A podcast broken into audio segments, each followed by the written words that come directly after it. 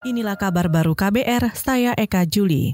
Saudara, pemerintah kota Jambi meliburkan pegawai yang sedang hamil menyusul kualitas udara masuk kategori berbahaya akibat kabut asap kebakaran hutan dan lahan.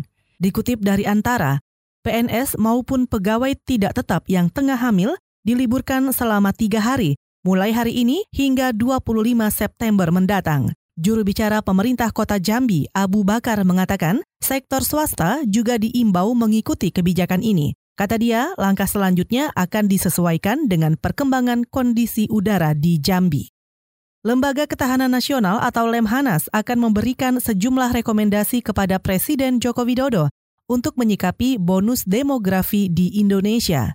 Gubernur Lemhanas Agus Wijoyo mengatakan, rekomendasi itu merupakan kompilasi masukan kementerian dan perangkat daerah yang hadir dalam seminar tentang pengembangan SDM unggul dan bonus demografi yang digelar Jumat pekan lalu. Dan kita ingin tahu juga bagaimana sinkronisasi antara kebijakan yang diturunkan dari pemerintah pusat dan bagaimana penjabarannya di pemerintah daerah sehingga kita juga mendapatkan masukan-masukan yang bisa kita kompilasi sebagai rekomendasi yang nantinya akan disusun oleh Manas bagi Bapak Presiden. Itu tadi Gubernur Lemhanas Agus Wijoyo.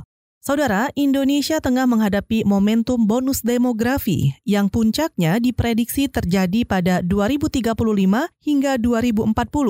Bonus demografi merupakan kondisi ketika jumlah penduduk usia produktif antara 15 hingga 64 tahun lebih besar dari penduduk usia tidak produktif, yakni di bawah 15 tahun dan di atas 64 tahun.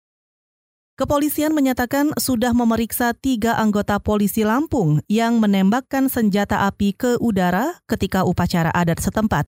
Juru bicara Mabes Polri Muhammad Iqbal mengatakan ketiganya tetap diperiksa Divisi Profesi dan Pengamanan atau Propam, meski ada alasan bahwa penembakan itu bagian dari tradisi. Iqbal menegaskan sanksi akan dijatuhkan kepada tiga anggota polisi itu. Kami mohon maaf pada masyarakat adanya viral di video senjata itu senjata organik yang seyogyanya digunakan untuk melindungi masyarakat itu dipakai main-main. Makanya pimpinan harus tegas untuk melakukan proses tindakan disiplin kepada yang bersangkutan. Itu tadi juru bicara Polri Muhammad Iqbal. Sebelumnya beredar foto dan video yang memperlihatkan anggota kepolisian Lampung menembakkan senjatanya ke udara ketika pesta adat pernikahan di kota Bumi, Lampung Utara. Dalam upacara adat atau begawi Lampung, memang ada prosesi tembak yang zaman dulu kala biasa ditembakkan dengan meriam, lalu senjata api, dan kemudian bergeser digantikan petasan atau mercon. Demikian kabar baru, saya Eka Juli.